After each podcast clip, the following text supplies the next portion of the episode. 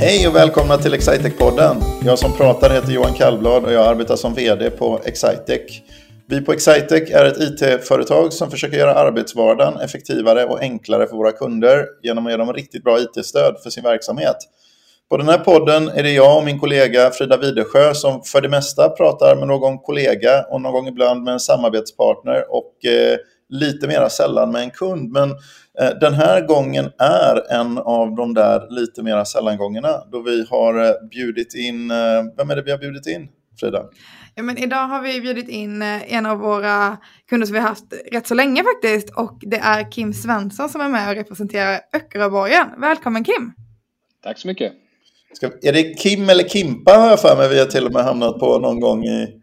Jag kan, kallar mig oftast för Kimpa. Så att, eh, det, det kommer ifrån, eh, det var ifrån högstadietiden eh, började nästan. Så drog jag igång en eh, webbradio som heter Radio Kimpa och därför blev det Kimpa då. Så ägde jag ett domännamn som heter kimpa.nu och hela den biten. Så därför har det blivit Kimpa mest. Ja, så du var liksom lite tidig på, du kunde varit influencer om du hade varit eh, tio år yngre kanske?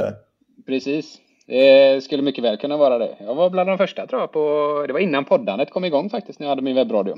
Ja. Så då minns jag faktiskt min kusin sa det att du borde, du borde starta en podd. Och då sa jag, vad är det? Uh, och så blev det aldrig Då gick jag och idrottade istället. Det, det, hade kunnat, du hade kunnat varit, du, det hade kunnat varit du istället för Jocke, Jocke och Jonna kanske. Men det kanske inte är webbradio i och för sig. Det var en fin, fin jämförelse. Mm. Ja.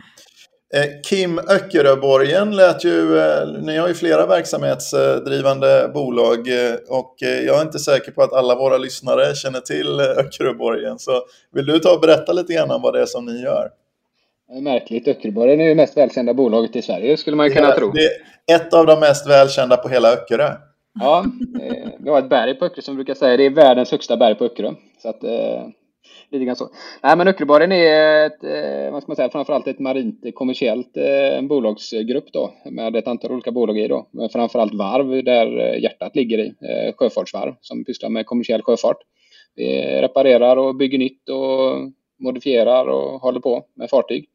Eh, framförallt i den svenska, eh, svenska vatten då.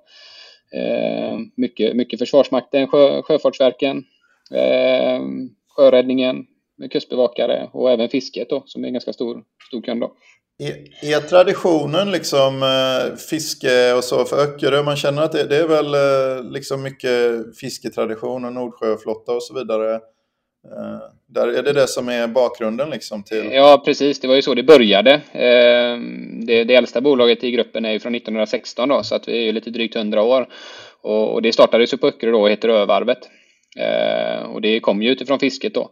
När man började med, eh, jag tror det började egentligen med framdriften på fartygen då. När man har på med eh, ja, gamla motorer, vad det nu heter, eh, tappar jag namnet på vad de gamla motorerna hette. Men, eh, och det var det man blev ganska stora här ute på Öckerö då. Att man hade en ganska bra effektiv motor för fiskefartygen då, eh, på den tiden. Och sen med takt med att fisket minskade i Sverige och de flesta fartygen flaggade ut då, så blir det andra kunder då som man blir stora på då. Då blir det mycket statligt då. Det var mycket upphandlingar och sånt här som man blev duktiga på att ta. Eh, så det är därifrån det har växt ut då. Mm. Eh, Hur stort det... sen så köpt, som jag, som jag minns det, så förvärvade ni ett gäng, eh, ett gäng ytterligare varv längs, längs den svenska kusten. Va? Så hur många varvsverksamheter är det som ni driver nu? Just idag så är det fyra stycken varv då. Det är här ute på Öckerö då. Sen är det i Simrishamn och i Karlskrona och även i Stockholm då ute på Vaxholm där på Tenö. Eh, så det är de fyra varven vi har. Och sen har vi ju annan verksamhet också då. Eh, men det är väl det som är Tillsammans utgör de väl den största delen av bolagsgruppen då. Men eh, Sen har man även distributionen för Volopenta i Sverige då för marint kommersiellt, fritid och industri. Där vi levererar reservdelar och motorer då för hela den svenska marknaden. Men också sedan något år tillbaka nu, eller några år tillbaka, då även den norska marknaden. Där vi också har hela Volopenta-affären. då. Är det, det är, är det Imatec? Eh, det är Imatec det, ja. Precis. Verksamheten, ja. och sen har ni lite fastighetsbolag och sånt också om jag minns rätt, va? Det stämmer också. Eh, där är en del som växer ganska mycket det sista, där man har förvärvat en hel del fastigheter. Eh, framförallt i, ute på Öckerö då och i närområdet där då. Eh, men också så har vi varit med i Branäs uppe i Värmland, eh, Nordvärmland där och eh, exploaterat stugtomter och liknande då. Sedan 2004 började vi med det, 2003, 2004 då. Så vi har väl byggt en 250 hus kanske uppe på Branäsberget genom åren. Är de, bygger de och säljer de då eller förvaltar ni dem fortfarande? Jag har nämligen hyrt, det är sportlovsvecka här i Linköping nu så jag ska faktiskt till Branäs om några dagar. Ja, så där Jag var uppe förra veckan när jag själv stod där uppe så att eh, kom massa nysnö förra veckan. Nu skulle jag komma lite idag så där. Så ni får nog en fin vecka där uppe. Ser det ut som. Hoppas på det. Va, vad heter det? Är du född och uppvuxen på, på Öckerö? Ja, det är jag. Så att, eh, ja, sanning med modifikation då. Jag är egentligen uppfödd och eh, född på Hönö då, grannön som hänger ihop. Men eh, den rivaliteten håller väl på att suddas ut ju längre fram i framtiden vi kommer. Mm. Men är det sådär, om man ska räkna som Öckeröbo så ska det vara fyra, fem generationer? Exakt. Eh, vad är det, fjärde generationen och du måste ha bott där då i minst 50 år eller något sånt där, i, sådär, innan du får lov att räkna som riktig Öckeröbo då. Ja, okej. Okay. och det där är inte på skämt liksom? Utan det... Nej, det är, det är blodigt allvar. Ja. Så vad, du kan fortfarande bo på Öckerö med... men inte vara Öckeröbo. Vad är det bästa med att växa upp då i, i, ehm, eh, på, på en sån plats? Eller för att så här, berätta lite om Öckerö, liksom. hur, hur, stort, hur mycket människor bor där och så vidare. Och hur långt är det till Göteborg? Eh, ja, Öckerö är väl, eh, det ligger ju cirka en halvtimme utanför Göteborgs eh, stadskärna då. Eh, av både buss och bilväg i stort sett då kan man säga. Men Öckerö är ju en eh, kommun som består av tio stycken öar. Eh, och jag tror vi är någonstans runt 14 000 invånare kanske i kommunen. Det är där någonstans cirka. Ehm, och eh, merparten av de här människorna bor ju på eh, två öar då, som heter Hönö och Öckerö som hänger samman eh, tillsammans med två andra öar, då, Foto och Hälsö. Då. Ehm, så det, det är väl det, Öckerö i princip. Eh, har eh, ja, några stora aktörer inom näringslivet då, bland annat Öckeröborgen då. Och sen finns det ett bolag som heter Berg på Palchen som varit med många år som tidigare ägdes av Caterpillar men eh, precis har eh, köpt ut sig från Caterpillar kan man säga och startat om igen då. Eh, och sen är ju varit fisket... Axlar va? och propellrar till stora fartyg? Ja, stämmer. Precis. Mm. Så att de har ju också varit med ganska länge. Den har ju, det har ju varit olika konstellationer av ägare så där på bolaget men de har också varit med i många år då. Så. Jag, jag har varit där och försökt sälja en gång men eh, det är det gick ju inte. Det har gått bättre med, med er. Ja. vad, vad, är det som, eh, vad, kan du berätta, vad är det som, eh, som Excitec gör? Nu lät jag inte dig svara på frågan om vad det var som var det bästa med att bo, eh, med att bo på, på Öckerö. Men det är ändå ganska speciellt. Jag vill säga till eventuella lyssnare som inte har varit där. Det är ändå ganska speciellt. Det är inte så litet alltså. Det är en ökommun med 14 000 personer. Det är ungefär, det är medelstor svensk kommun. Eller det är klart, den är inte så stor, men det finns nog 100 kommuner som har färre Mm. Eh, invånare i Sverige, så det är inte så litet. Är det, inte. Och det är bara en halvtimme in till, nu trodde jag Kim skulle säga att det var en halvtimme om man hade en sån här Anytech liksom med fyrdubbelmontage och tusen hästkrafter med, mm. och, och blåste in till centrala Göteborg. Men det är ändå alltså en halvtimme bara från centrala Göteborg, 14 000 invånare, flera stycken framgångsrika bolag och, och eh, liksom riktigt positivt näringslivsklimat har jag fått uppfattningen av. Så det är, det är egentligen ganska spännande för det visar ju på snarare att liksom det som brukade vara väldigt, väldigt svårt och kanske avfolkningsbygd till och med liksom någonstans. Det, inte, det måste inte vara så. Nej, vi var väl, eh, apropå det med närings, eh, näringslivet så där, så jag vet för ett par år sedan så var det ju den eh, näringslivs, jag måste säga, han, som är egenföretagstätaste kommunen i, i Sverige. När jag såg på några siffror då, så att det är väldigt mycket, mycket företagare ute då. Vad tror du företagartraditionen är, är, är där ute? Lite som sådär Gnosjö liksom i Småland som man har hört talas om kanske? Mm. I, jag tror att det finns en ganska stor drivkraft. Man är vana liksom att man också måste göra, alltså ska någonting hända så måste man göra det själv på något sätt. Eh, föreningslivet är ju stort där ute också. Det finns mycket engagerade i de olika föreningar och kyrkor och liknande. Så man, är, man är vana vid att vi arbetar och vi gör saker tillsammans. Man, man förväntar sig inte att någon annan ska göra någonting utan vill man ha någonting gjort så gör man det. Mm. Eh, men kan vi, vad heter det, om vi börjar lite från början. När, när började Öckeröborgen samarbeta med Excitec? Jag sitter ju och kollar i vårt CRM-system, men vi, jag tror att vi, den här historien sträcker sig längre tillbaka innan vi hade det här CRM-systemet. Vilket år var det vi började jobba tillsammans? Ja, vi började egentligen innan Excitec-tiden skulle jag sagt. Det var på Sundit-tiden. Eh, det var 2009 då. Ehm, då började vi ett samarbete när vi skulle byta egentligen system för redovisning, ekonomi och bokföring egentligen då. Mm. Och eh, efter många olika turer däremellan så föll valet då på Visma Business. Och då började vi samarbeta med Sundit eh, och sen köpte ni upp Sundit däremellan och så har vi varit med på allting från en eh, bra resa till en brokig resa och fantastiskt däremellan. Eh, sådär, i de här olika gångerna. Då. Så vi har varit med många år. Mm. Vad är det som vi gör för Visma Business? Det var ju där det började. Vet du om vilka program var det som vi eh, hjälper er med nu? Eller för övrigt så ska jag säga också, vi, ni är ju ett helt annat bolag nu än vad ni brukade vara. Det har ju hänt väldigt mycket. Jag har ju varit inblandad då sedan 2012 med er, så det är tioårsjubileum för mig och er någon gång här fram i sommar tror jag. Men men eh, eh, det är ju, ni är ju en helt annan verksamhet än vad ni var. Eller ni är delvis samma förresten. Det är väl ett arv att förvalta det här varvsverksamheten från 1913. Men ni har också expanderat väldigt mycket. Ja, jag skulle vilja säga att vi är väl egentligen samma verksamhet så sett för att vi har ju kvar den verksamheten som vi hade 2009. Den har ju däremot eh, utökat och växt ännu mer då. Eh, varven har ju, tittar man på övarvet så har vi sedan 2009, jag tror vi eh, vi har mer än dubblat den verksamheten sedan 2009 då. Men sen har det tillkommit massa bolag därefter då. Jag menar 2009 så fanns det Övarvet och så fanns det Hassle tror jag vi hade förvärvat. Och sen fanns Imatec fast i en annan konstellation då, men det var inte riktigt i den omfattningen nu. Det var mer att man pysslade lite grann med lite fritidsfartyg och sånt där då, eller fritidsbåtar. Eh, och sen har alla bolagen tillkommit då. Eh, då var vi kanske totalt sett, eh, ja nu gissar jag, skjuter lite från höften, men 120 miljoner omsättning 2009. Idag omsätter vi en och en halv miljard och är närmare 400 anställda. Då. Så att det är en betydligt större apparat idag än vad det var då. Mm. Eh. Men, så på, men på ekonomi och redovisning så kör ni fortfarande Visma Business? Ja, det stämmer. Eh, det gör vi och eh, vi kör även lite mer i Visma Business för några av bolag då, bland annat Imatec som sköter sin logistik och order, orderdelen där i, i Visma Business också då. För, För det är, ju mer en distributionsverksamhet, liksom, en, en klassisk partihandels med business to business.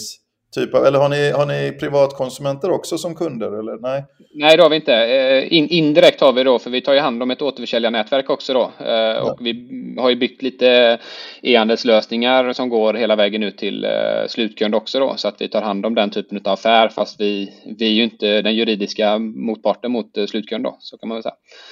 Ehm, men det stämmer annars att de är en klassisk partihandel så sett med att det kommer in en order från någon e-handelstjänst och så packas den och så skickas den iväg och så förhoppningsvis alla nöjda och glada då. Det är en del av deras verksamhet då. Sen har de lite andra delar också då med att sälja motorer och eh, som inte säljs då på det sättet ännu i alla fall. Eh, kanske kan komma i framtiden. Mm. Eh, men också en hel del om att ta hand om det här återförsäljarnätverket eh, och sköta utbildningar och liknande då.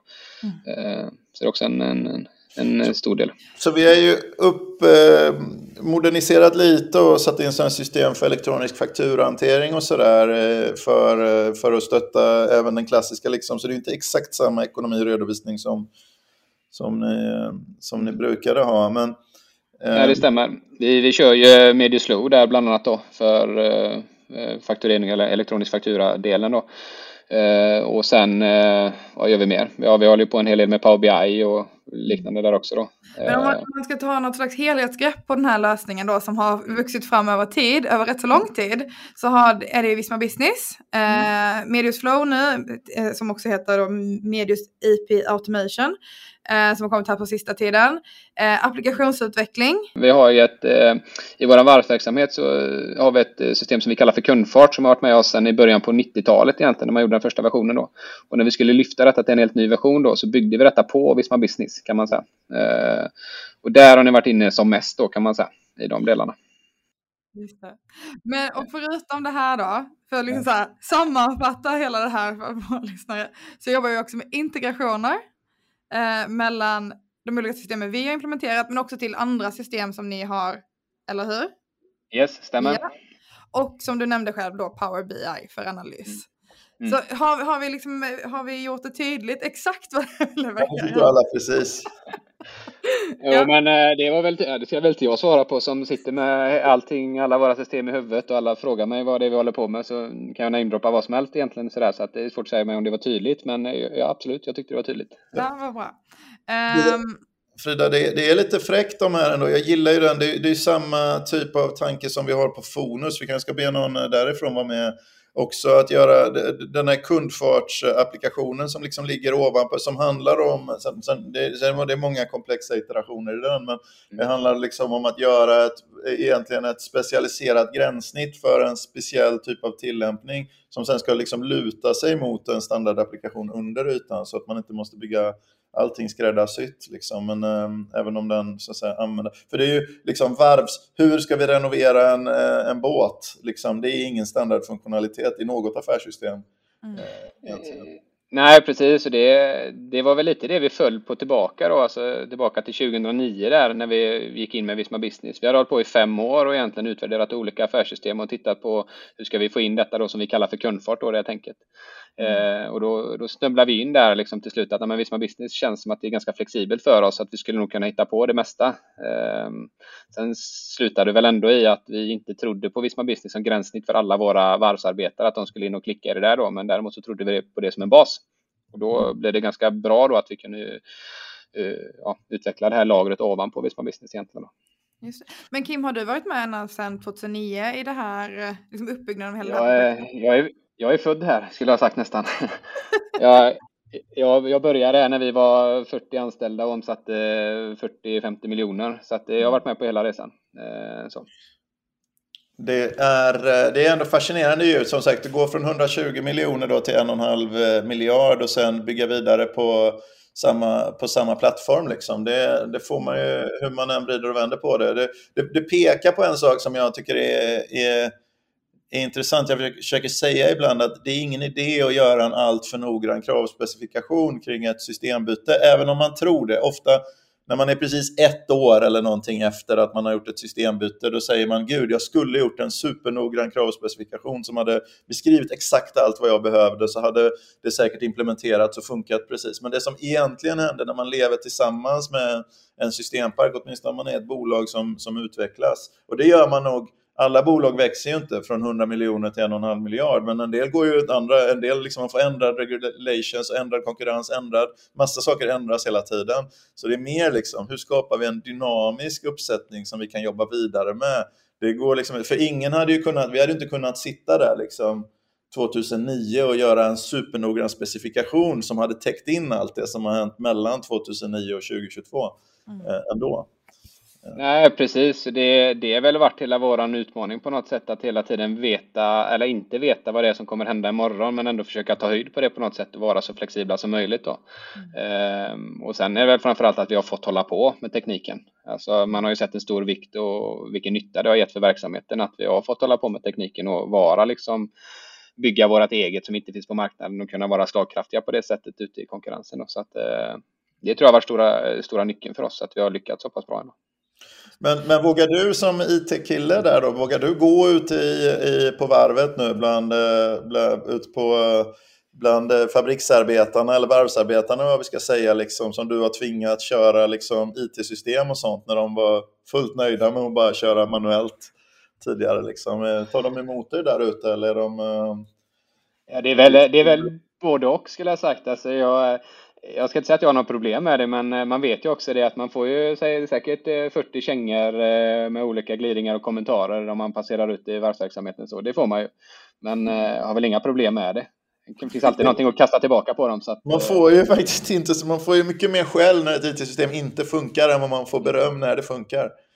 Man får även mycket skit av när saker faktiskt funkar. Eh, sådär. Så att eh, berömmet eh, vet jag inte om jag varit med om jättemycket kan jag väl säga. Nej, Nej men det, jag var med någon gång i en annan, det var inte, var inte hos er, men en liknande typ av verksamhet där man skulle skriva in serienummer på allting. Det blev ju väldigt, väldigt jobbigt men lite bra liksom, för det behövdes utifrån någon, någon säkerhet. de var tvungna att kunna visa efteråt, den här produkten som jag levererat här, den innehåller det där och det där. Om det var någon produktåterkallelse och sådär så var de tvungna att hålla reda på serienummer. Så då började alla ute på verksamheten skriva in serienummer hela tiden på, på, på artiklarna då eller skanna, allting kunde liksom inte ha en streckkod som man kunde, som man kunde skanna, så man var tvungen att skriva in serienummer Eh, och det tyckte man var då superjobbigt för det var mycket enklare förr när man bara kunde gå och plocka något. Men, men det går ju inte att uppnå slutsyftet att veta vilka serienummer som ingår i en anläggning om du inte, liksom vilka individer, om du inte mäter serienummer. Men då lärde de sig i alla fall på några sätt. De lärde sig några serier, några lärde sig några serienummer utan till. Eh, så då skrev de istället för att skriva rätt serienummer, om det inte fanns streckkod och blippa då, på den. Alla prylar kan ju inte ha streckkod på sig, liksom. men om det inte fanns det så skrev de in ett serienummer man kunde utan till. Och sen fick man ju då väldigt felaktiga lagersaldon för att den, den artikeln då, som man angav serienumret för, den fick ju ett väldigt stort brist på lagret, så den köpte systemet automatiskt, beställde ju hem mycket mer av den. Men den artikeln som man egentligen använde, den köptes ju inte hem, så det vart ju lager, lagersaldodiffar på grund av det där. Men det är lite lurigt, för det handlar egentligen om att någon person som jobbar ute i verksamheten vill bara egentligen lösa ett problem och bara göra sitt eh, jobb. Men följdfedeln i IT-systemet blir att man har felaktiga lagersaldon och felaktiga inköp och, mm. och allting under ganska, under ganska lång tid. Men det där, det där är nog en av de svåra sakerna med det är en ganska rolig sak när du drar, eller rolig ska jag säga, men det har varit en av våra största utmaningar här eh, när vi gick in med eh, alltså löpande lagerredovisning på allting och vi hade järnkoll på alla transaktioner och liknande då. Då blev ju det ett himla hallå för att vi hade ju ingen koll på lagret. Man visste inte vilka artikel det var som saknades eller vilken man faktiskt plockade ut eller inte plockade ut sådär då. Så att vi fick ju jättedifferenser i eh, lager och sådana här bitar också och hade de utmaningarna. Men det, det, det jag var tvungen att säga det, men eh, det som är lite roligt att, och testade. vi gjorde en sån test att vi implementerade en funktion åt eh, verksamheten och så, som de hade ett jättemotstånd till. Det här tänker vi aldrig göra, det är världens sämsta grej och det kommer aldrig fungera. Men så tryckte vi igenom den och så fick de till använda den och folk började se nyttan av den. Och sen gick vi och plockade bort den. Det var ingen jättekritisk funktion, men så gick vi och plockade bort den. Det blir, lik, det blir mer hallå när man plockar bort en funktion som de inte vill ha från början, men som de faktiskt såg nyttan av att ha, än vad det var att faktiskt sätta in någonting som de inte vill ha. Så det tycker jag också är ett liksom intressant perspektiv. När man, liksom man är bara, men man är bara mot förändring på IT-systemsidan IT tror jag. Jag tror det, det är inte krångligare än så. Nej, exakt. Men Kim, vad heter det? Vad, vad, tror du det är som har gjort att samarbetet mellan Excitec och eh, Öckeröborgen har fungerat så bra i så många år? Jag tror väl framför allt att det har varit en ganska bra lyhördhet, alltså lyhördhet alltså mellan oss. Att vi har alltid kunnat lyfta och diskutera saker även när vi inte har varit överens eh, på något bra sätt. Så har vi alltid blivit överens. Alltså vi har alltid vetat att vi ska jobba vidare framåt. Mm. Eh, vi har ju varit väldigt måna, alltså vi är ju så med alla leverantörer att vi vill ha ett långt, en långsiktig relation med alla. Så att vi vill ju lösa problemen. Eh, men det behövs ju alltid två för att dansa då. Och det tycker jag har fungerat bra med Excitec. Mm. Eh, men vi har haft våra duster däremellan också, men jag tycker alltid att vi har löst dem på ett bra sätt. Att vi, på något sätt så känns det som att båda har varit nöjda ur den. Ur den då. Det, det tror jag har varit liksom nyckeln. Eh, sådär. Just det. Vad är planen liksom, när ni går från 100 miljoner till en och en halv miljard på, på, på 10-15 år? Eh, vad kan vi vänta oss de närmaste 15? Är det liksom från, ska ni öka tempot nu så att ni går från liksom en och en halv till 15 eller, eller ska vi nöja oss med 3 miljarder? Eh, ja, jag kan inte säga exakt volym och det tror jag inte heller någon internt heller kan säga vilken liksom, volym man kan göra utan man är, vi gör en massa saker och så av det så kommer det ut ett resultat i slutändan. Sen om det står 3 miljarder eller om det står 15 eh, det, det, vet man inte. Alltså sådär, det är inte det som är grejen utan vi ska fortsätta utveckla verksamheten och vi kommer inte sitta still. Eh, och det kan bli både uppköp och mm, ta nya affärer och sånt här då. Mm. Vi är liksom inte mm, riktigt rädda för att prova några nya grejer heller då, utan eh, ja, men det här är intressant, det här kan vi ha nytta av. Det här ser vi att det här behöver vi göra för att fortfarande finnas kvar på marknaden eller liknande då. Mm. Eh, sådär. Så jag tror absolut att man kan förvänta sig en, en, en eh, tillväxt ytterligare. Liksom. Vi har ju ett avsnitt på denna podden som heter Någon berättar om något. Och det är ju du som är någon idag. Eh, och eh, då får du faktiskt välja, välja samtalsämne och prata om någonting som ligger dig varmt om, eh, om hjärtat. Jag föreslog ju att vi skulle prata om elgitarrer, men du kände ju inte riktigt att det var, att det var din grej. Nej, jag har aldrig riktigt, riktigt lyckats med det här med elgitarrer. Jag har för korta fingrar för att kunna hålla på översta och nedersta strängen samtidigt, så att eh, jag släppte den ganska tidigt. Men eh, däremot så har jag alltid varit intresserad av sport då, och, och hållit på att spela hockey ända sedan jag var två år och spelat på alla olika dess nivåer genom åren. Men, men eh, så jag är mig ganska idrottsintresserad. Eh, så det jag är mycket intresserad av nu då är skidåkning framför allt. Både alpint och, eh, och även längdskidåkning då. Eh, så det tycker jag vi kan prata om. Eh, skidåkning är ju ett kul ämne. Sitter du och tittar på Vinterstudion eller är det din egen skidåkning som du är mest det är väl både och skulle jag vilja säga. Eh, vinterstudion är ju, det är väl någonting man växt upp med. Den ska bara stå på på helgen och så går man där och tittar och gluttar emellanåt och sådär. Så att eh, det är jag uppvux, uppvuxen med. Mm.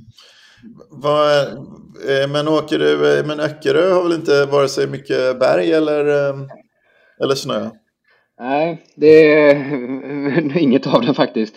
Eh, under alla år som jag har levt skulle jag sagt så har jag åkt längdskidor ute på Öckerö två gånger. Och det är typ de två gångerna som du faktiskt har kunnat åka också under alla de åren jag har levt då. Mm. Så att, eh, nej, det händer inte så ofta kan man säga. Men eh, mycket, mycket uppe i Värmland åker eh, skidor i eh, Branäs då. Mm. Dels för det intresset som vi har där och dels för att jag har stuga där själv och sånt där också. Då, så mm. Det blir mycket skidåkning där uppe.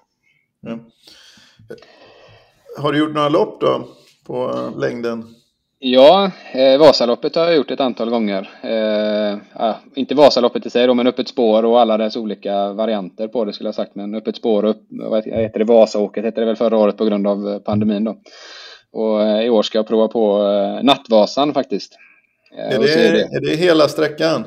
Det är hela sträckan ja. Man startar klockan åtta på kvällen och så får man väl se när man går i mål. Men jag hoppas väl att det ska kunna komma i mål på någonstans mellan fem och sex timmar i målet. Men eh, får se om det är optimistiskt eller inte.